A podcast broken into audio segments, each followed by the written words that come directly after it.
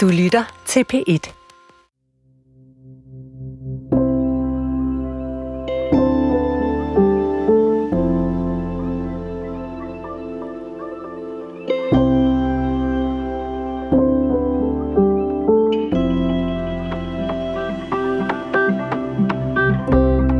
Det er en fuldstændig fantastisk solrig septemberdag 2018, og jeg har min første dag på mit studie, medicinstudiet i Odense.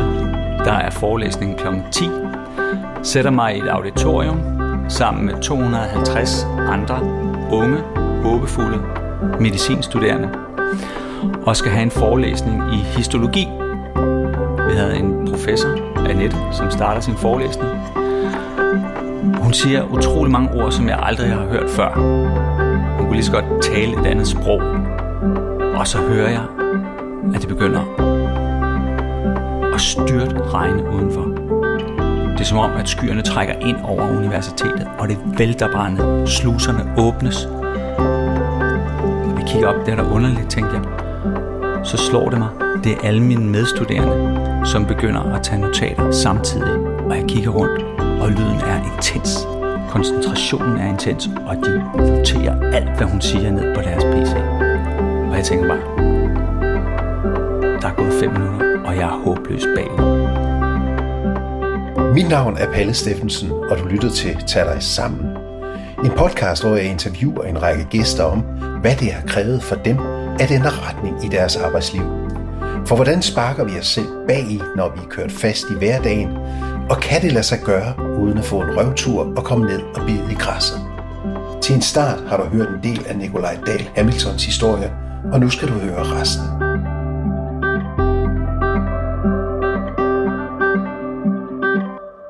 Palle, hvorfor vil du egentlig interviewe mig? Jamen, jeg tog fat i dig, fordi at jeg var i gang med at skrive en bog, der handlede om, hvordan man genstarter sin karriere. Og så skrev jeg det så ud på Facebook, hvor din kone, hun øh, skrev sig ned i kommentarfeltet, genstart, det er lige præcis det, min mand han er i gang med. Han vil ligesom bruge sit liv på en anden måde i fremtiden.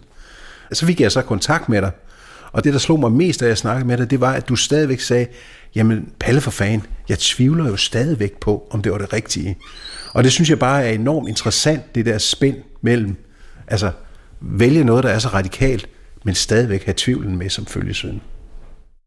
Og det er, jo, det er jo meget interessant, fordi du jo var skuespiller, og så begyndte at læse netop på det omtalte medicinstudie der i Odense. Men hvorfor blev du egentlig skuespiller? Jeg har altid drømt om at være skuespiller. Siden jeg var helt lille, har jeg sådan optrådt derhjemme. Og så i ungdomscenteret begyndte jeg at medvirke i revy en gang om året, og vi lavede cirkus, og jeg blev ret hurtigt øh, sådan lidt en lokal stjerne øh, i ungdomscenteret. Og jeg tænkte, at, at her var noget, jeg havde talent for, og det kunne jeg godt finde ud af, og jeg elskede det. Jeg elsker rigtig meget det, at vi var sammen om at skabe noget. Og det er ligesom blevet min, øh, det har været det her, som jeg har jagtet som skuespiller, og har været grunden til, at jeg har elsket mit fag, eller elsker at være skuespiller, det er, at vi laver noget, som er større end os selv. Og større end forfatteren, større end instruktøren, større end hver enkelt spiller. Det synes jeg har været helt fantastisk at få lov til at arbejde med i så mange år. Så øh, fra folkeskolen af og gennem gymnasiet vidste jeg, at jeg ville være skuespiller, og jeg har søgt ind umiddelbart efter. Jeg kom ind øh, på Statens Teaterskole, hed det dengang, efter, i, efter to år lykkedes det at komme ind. Øh, jeg var den yngste dengang på mit hold. Jeg var 22, da jeg kom ind. Og så 26, da jeg var færdig, røg direkte ind på det kongelige teater. Debuterede derinde, og så har jeg i af flere omgange har jeg været fastansat på det kongelige teater. Jeg har vundet en røgmert for bedste birolle, været nomineret for bedste hovedrolle, øh, været med i flere røgmert-vindende forestillinger. Så jeg har sådan set opnået meget af det, jeg har drømt om med, med det at være skuespiller. Hvornår begynder du så at tvivle på, om det fag er det rigtige for dig? Det leder vel lidt tilbage til, det, til drømmen om at lave skuespil i det hele taget. Først og fremmest vil man gerne kunne leve af det. Ja. Og, øh, og det opnåede jeg. Øh, men jeg oplevede ikke, at det, at jeg blev brugt rigtig meget på teateret, gjorde, at, at mine muligheder steg. Jeg var stadig nødt til at sige ja til alt, jeg blev tilbudt. Ja. Så løb jeg også ind i det rent praktiske i, at man jo spiller om aftenen, og man spiller i weekenden, og teatret i København begyndte at spille søndag eftermiddag. Og øh, jeg fik flere børn, og havde en familie, som jeg også gerne ville se ind imellem. Mm. Og nogle gange blev det hårdt at sidde øh, søndag eftermiddag kl. 3, mens familien var til en fødselsdag, eller familien var i sommerhus, og at jeg stadig skulle sidde og, og, øhm, og give mig op til at lave endnu en forestilling søndag eftermiddag. Jeg har sådan et billede af mig selv, at jeg blev sådan en gammel sur mand, på garderoben, mens at mine yngre kollegaer kom med tømmermænd søndag eftermiddag, og de havde været i byen, og nu skulle de ind og lave teater og fyre den af, mens jeg sad over i hjørnet og tænkte, øv, kan jeg ikke snart komme hjem og få den kop kaffe, som jeg har fortjent? og hvad så? Hvad var så næste skridt i det der? Fordi tvivlen begynder sådan at tage bo i dig, ikke? Jo. Jeg havde en fast engagement øh, på en fantastisk forestilling, øh, som jeg egentlig rigtig gerne ville være med i, men jeg oplevede, at jeg om aftenen ikke kunne falde i søvn i den her periode, og at jeg vågnede to timer før mit vækord ringede. Og så vågnede jeg og havde ondt i maven, og slog jeg det op. Tænkte, det kan ikke være rigtigt, det skal føles sådan her. Og det var sådan en typisk øh, stresstegn, jeg havde, og jeg, jeg diagnostiserede mig selv til, at det måtte være stress, og at det var bekymringer om, om jeg lavede det rigtige om det, at jeg arbejdede så meget, og det, at jeg var så meget væk fra min familie, var det hele værd. Og så tænkte jeg også, at øh, det kan simpelthen ikke blive ved på den her måde. Hvis jeg skulle fortsætte som skuespiller de næste 30 år, øh, kunne jeg ikke forestille mig, at det, ville, øh, at det ville vende til noget bedre. Altså, jeg ville jo fortsætte med at skulle lave 4-5 forestillinger om året for at, at hive en årsløn hjem. Øhm, så, og jeg, så jeg vil jo fortsætte med at skulle sige ja til alt, hvad jeg blev tilbudt, for at få det til at løbe rundt. Så det, der var en drøm, da du startede, det blev sådan et hamsterhjul, eller hvad? Ja, det kan man jo godt. Det kan man jo godt kalde det. Altså, fordi cirkushesten i mig glemte det jo også. Altså, jeg kan også tydeligt huske, at jeg en anden forestilling, det var samme sæson, øh, hvor jeg, jeg spillede i Tivoli, og der havde vi dobbeltforestillinger både lørdag og søndag, så det var hele weekenden, absolut hele weekenden, som jeg skulle bruge væk fra min familie. Og det var sådan lidt hårdt at tage dig ind øh, og skulle spille, men når så først man kom ind på scenen, og øh, sammen med mine kollegaer, og vi sang og dansede, så var det jo skønt. Og, og så det var en fantastisk øh, dualisme, der var i min krop, at jeg ville egentlig hellere noget andet. Der var et andet sted, jeg hellere ville være. Men når først man kom ind på scenen og i rampelyset, så var man nødt til at give alt, hvad man havde. Så når jeg gik af scenen, så var jeg jo sådan set glad nok. Men jeg var sådan lidt træt af det hele, når jeg gik ind på scenen. Okay. Og med den dualisme, som du siger, samtidig var man oppe at køre, og samtidig lidt længere nede. Hvad blev så, hvad skal man sige, resultatet af det? Det var, at jeg jeg er nødt til at, at finde ud af og mærke efter, men er det det her, jeg skal resten af livet, eller, eller kan jeg noget andet? Skal jeg noget andet? Og så, øh, så, så det blev ligesom sat på spidsen, at jeg kunne godt fortsætte som skuespiller, eller også så, så skulle jeg ligesom prøve at, at sadle om og lave noget helt andet. Og så måtte jeg ligesom lave en liste, og sige, hvis ikke, jeg, hvis ikke du skal være skuespiller, hvis ikke du skal stå på teateret hver aften, hvad kan du så lave? Og så tænker jeg, så, så kan jeg jo være læge. Hvorfor, hvordan fanden kom du på det? Jamen, jeg har tit tænkt på, at, øh, at, at læge er så, så vigtig en, en funktion i forhold til, øh, til, til mennesker. Men det er altså så mange andre jobs, der også er. Jo, men... Øh, jeg, der var, der var en, jeg, jeg blev nysgerrig engang, da jeg spurgte min egen læge. Jeg, jeg rendte til lægen hele tiden som skuespiller, fordi øh, hver eneste gang jeg havde ondt i halsen, så skulle jeg op og tjekkes, og for, der var nogle streptokokker for, om jeg kunne få noget penicillin. Og han bodde mig øh, troligt, altså mange gange om året. Ja. Øh, og der var aldrig noget, så jeg kunne aldrig få penicillin desværre. Men men jeg måtte, jeg måtte gå til ham og spørge sådan, hvor, hvor, hvordan er det at være praktiserende? Altså, du sidder jo bare her mutters alene. Og, og så sagde han, ja, men det er jo det, der er så spændende. Jeg ved jo aldrig, hvad det er, der kommer ind her. Det er virkelig interessant, sagde han. Og jeg, og jeg tænkte sådan lidt, det kan da ikke passe, altså. Fordi det, det handler om, det er jo at være sammen med andre mennesker og skabe noget. Øh, så den havde, sådan, den havde også den havde ligget som spøgelse et eller andet sted og tænkt, jamen, kan det virkelig være interessant? Og jeg kunne virkelig, virkelig godt lide vores egen læge. Og jeg synes, den funktion at, at være, øh, at møde folk, når de er lidt sårbare, øh, og fordi de, de, jo, de jo tit, man, når man kommer til læge, så er det jo fordi, man er lidt bekymret. Og så er det jo vigtigt at møde nogen, som man har tillid til, og som kan være ærlig over for en, og som man kan, kan være åben over for. Og, og det, øh, og, og det, har, det har jeg lyst til at være. Og, og det tror jeg ikke. Det er måske også, det er rigtigt nok, som advokat eller som øh, mekaniker er det selvfølgelig også meget rart, at man kan stole på dem. Men, øh, men som læge kan man, være, kan man da virkelig gøre en, en, en forskel. Hvis man skulle være lidt fræk, så kunne man jo spørge sig selv, var det fordi du ikke opnåede stjernestatus som skuespiller, at du valgte at skifte til noget andet? Nej, men jeg har lavet, de ting, jeg har lavet som skuespiller, ikke? Mm. det er det er, altså, det er helt fantastisk. Jeg har lavet nogle ting, som, som har gjort mig så lykkelig, og som har gjort ikke mindst publikum også lykkelig. Jeg har lavet nogle, været med til at skabe nogle forestillinger, som uh, har været så meget større, end folk har set før, end folk har oplevet før. Og, uh, og det er jeg ovenud lykkelig for. Det kan man jo bare ikke lave hele tiden. Mm.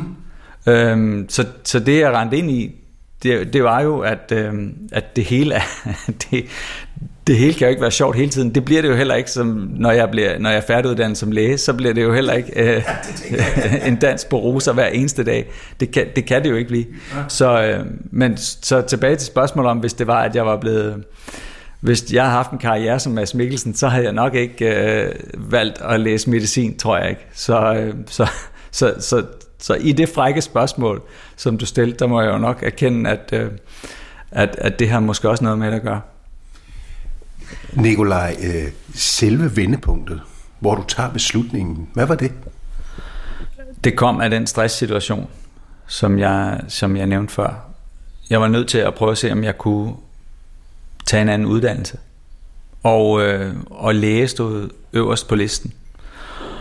Og så fandt jeg ud af, at øh, jeg kunne søge igennem kode 2, for det gennemsnit, som jeg havde fra 95, altså over 20 år forinden, det øh, kunne godt bruges. Det talte stadigvæk. Så søgte jeg ind på kode 2, og så kom jeg ind i Odense. Og det, jeg, det skulle have et skud, og så, men ja, så jeg tror, at det virkelige vendepunkt, det kom jo faktisk først der, da jeg fik at vide, at jeg var blevet optaget. Indtil da, der var det jo sådan et sats og et, et, et skud i bøssen, hvor jeg tænkte, jamen det der, det vil jeg gerne prøve. Og så fik jeg øh, der, når man får svar den 28. juli, at jeg var blevet optaget. Det var der, at det vendte, at så skulle jeg tage stilling til, skal jeg det her? Og så tænkte jeg, nu er jeg gået så langt, så nu giver det i hvert fald to år. Og det var jo også clearet med dem derhjemme, at øh, det var i orden, at, øh, at jeg satsede og prøvede på at, at lave noget andet. Og du er bachelor nu. Blev det så, som du havde forventet? Har det øh, revitaliseret dit arbejdsliv? Det gode ved mit, øh, min karriere som skuespiller nu, det er, at jeg er ikke ligesom bekymret længere over de jobs, jeg laver som skuespiller, fordi nu har mine skuespillerjobs, de har en helt anden funktion. De skal finansiere mine studier. Så tidligere, der skulle jeg leve af dem, og der skulle jeg hele tiden bekymre mig om, at jeg skulle være god nok til det næste job, og jeg skulle øh, øh, til, med til fester, jeg skulle mingle, jeg skulle snakke øh, godt med instruktører og med producenter, så jeg kunne blive øh, valgt til nogle nye jobs. Og, øh, og den bekymring har jeg slet ikke mere, fordi jeg er ligesom blevet frisat rent kunstnerisk, kan man sige, når jeg arbejder som skuespiller, fordi at jeg går mere lejende til det. Det er ikke længere øh, bidende nødvendigt, at, at de kan lide mig, så de ansætter mig igen næste gang. Betyder det så også, at du tager revl og krat af roller? Ja, og med meget større tilfredshed nu, end jeg gjorde før. Øh, før kunne jeg godt tænke, øv, hvorfor fik jeg ikke en større rolle? Og øv, hvorfor, øh, hvorfor, hvorfor valgte de mig til den her ene dag? Fordi jeg ville hellere eksponeres noget mere, eller ses noget mere. Og nu er jeg bare glad for, at de ringer, øh, fordi så kan jeg finansiere min studie. Jeg ved, du var på sådan et øh, kursus her i, øh, i sidste uge. Ja, det var i, i fredags på øh, SDU. Der er der nogle studerende, der har en gruppe, der hedder SATS, som arrangerer sådan nogle kurser for kandidatstuderende, som skal forberede sig på, hvordan det er at arbejde på en skadestue. Så har de brug for nogle figuranter, nogen, der kan spille til skadekommende. Så der meldte jeg mig så, også for at lære nogle andre at kende på studiet, og så trækker man sådan en case, hvor der står, hvad, hvilken sygdom øh, man skal spille, og så skal de kandidatstuderende, de skal så prøve at se, om de kan finde ud af, hvad patienten fejler. Og øh, jeg trak så blandt andet en trafikuheld og en, en hjerneblødning, som jeg skulle spille, og så var der så nogle af de studerende, der bagefter var meget imponeret af min måde at spille patient på, og de sagde til mig bagefter, at øh, hvis ikke, at jeg, hvis ikke det gik med studiet, så havde jeg i hvert fald en flot karriere som skuespiller foran mig. Og han vidste jo ikke, at jeg var skuespiller. Hvis nu der kom en øh, stor tv-rolle sejlende ind til dig nu, hvad vil du så sige? Jeg tror, på nuværende tidspunkt vil jeg sige ja tak, hvis jeg kunne på en eller anden måde øh, enten passe det ind sammen med mit studie, eller øh, tage overlov et halvt eller et helt år. Men det skulle være, det skulle være noget, som jeg, som, jeg, som jeg simpelthen ikke kunne sige nej til. Har du samtidig tænkt undervejs, er det her, er det her er det her fedt nok i forhold til, hvad jeg kunne ellers kunne hente ind på de skrå brædder?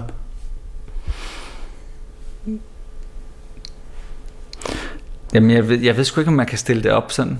Om det var, altså, det er jo en ny verden, som åbner sig for mig. På en måde så er det jo som at starte forfra, kan man sige. Altså som studerende og i et helt andet fag, øhm, hvor jeg ikke kan trække på min skuespillererfaring.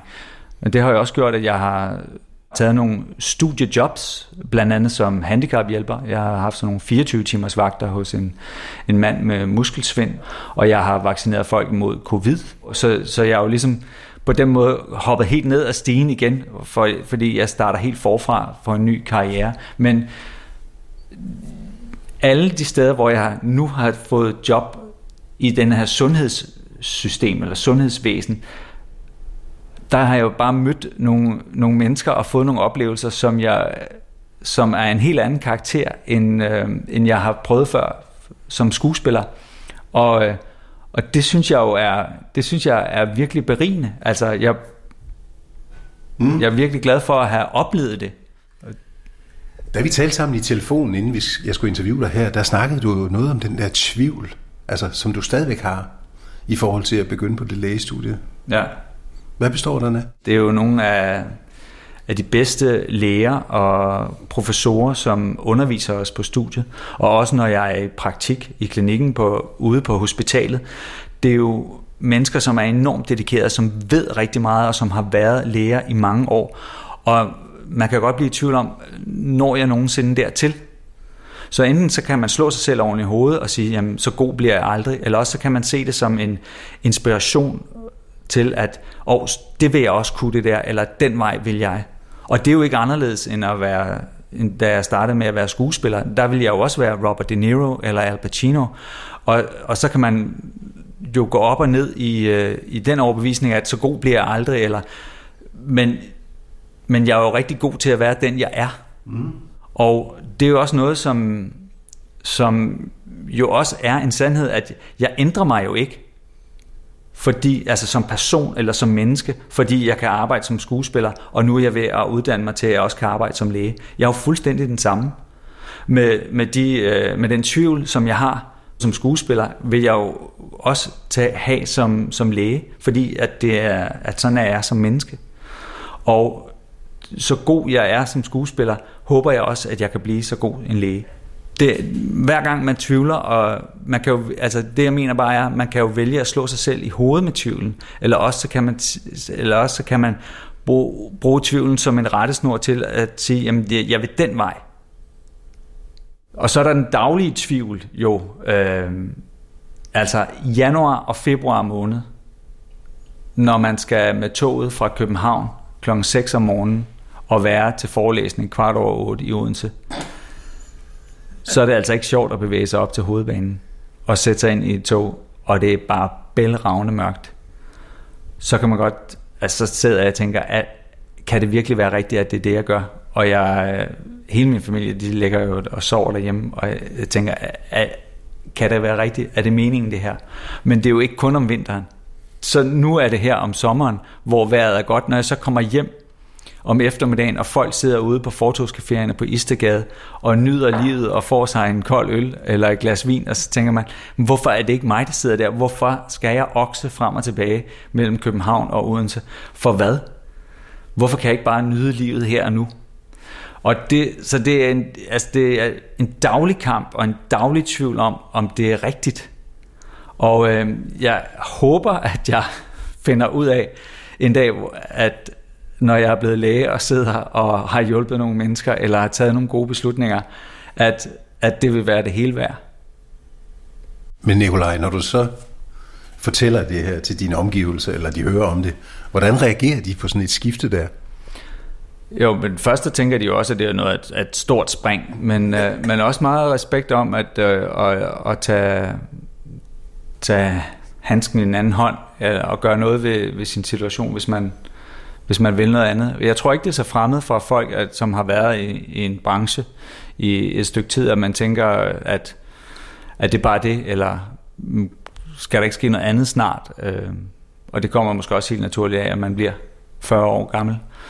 Øh, så jeg, jeg fornemmer da også nogle gange, at der er nogen, der er sådan lidt som beundrer det, og beundrer modet til at, at, at prøve noget helt andet.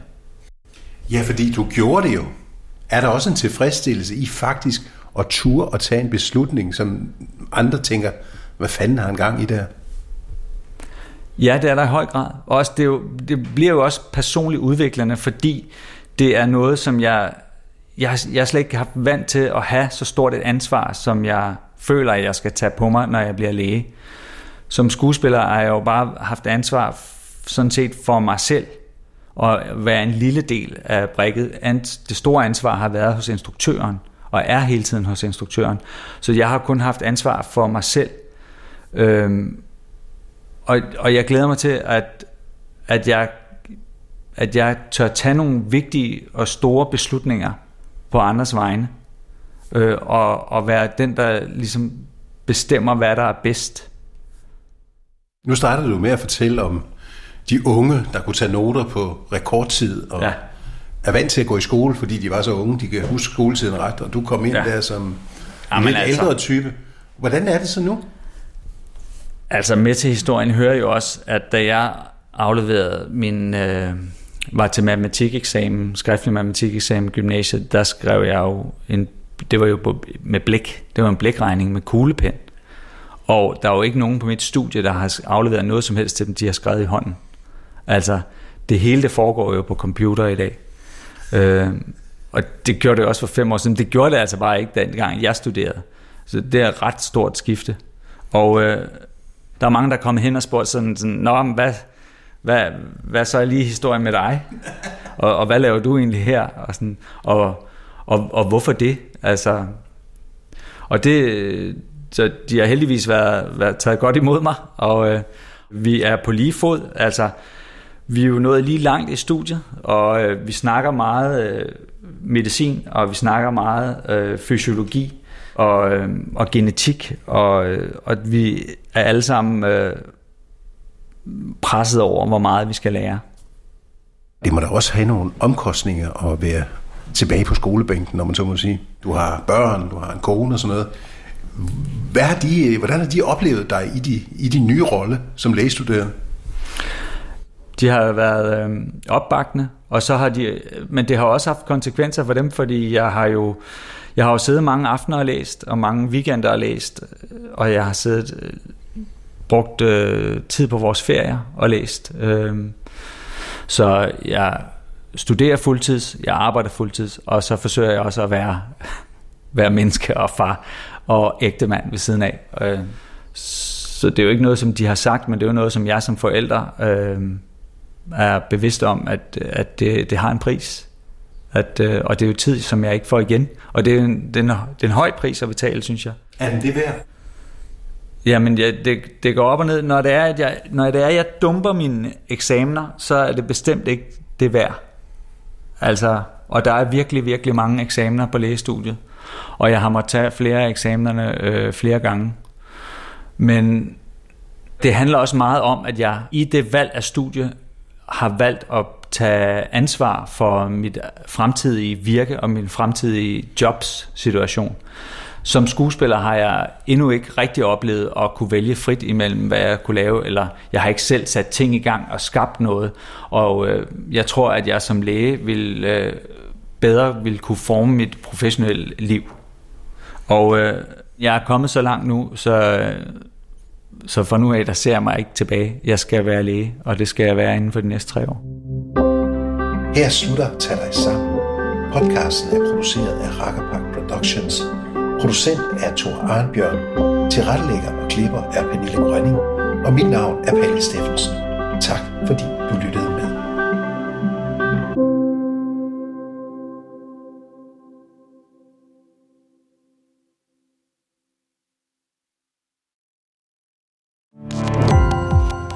Gå på opdagelse i alle DR's podcast og radioprogrammer. I appen DR Lyd.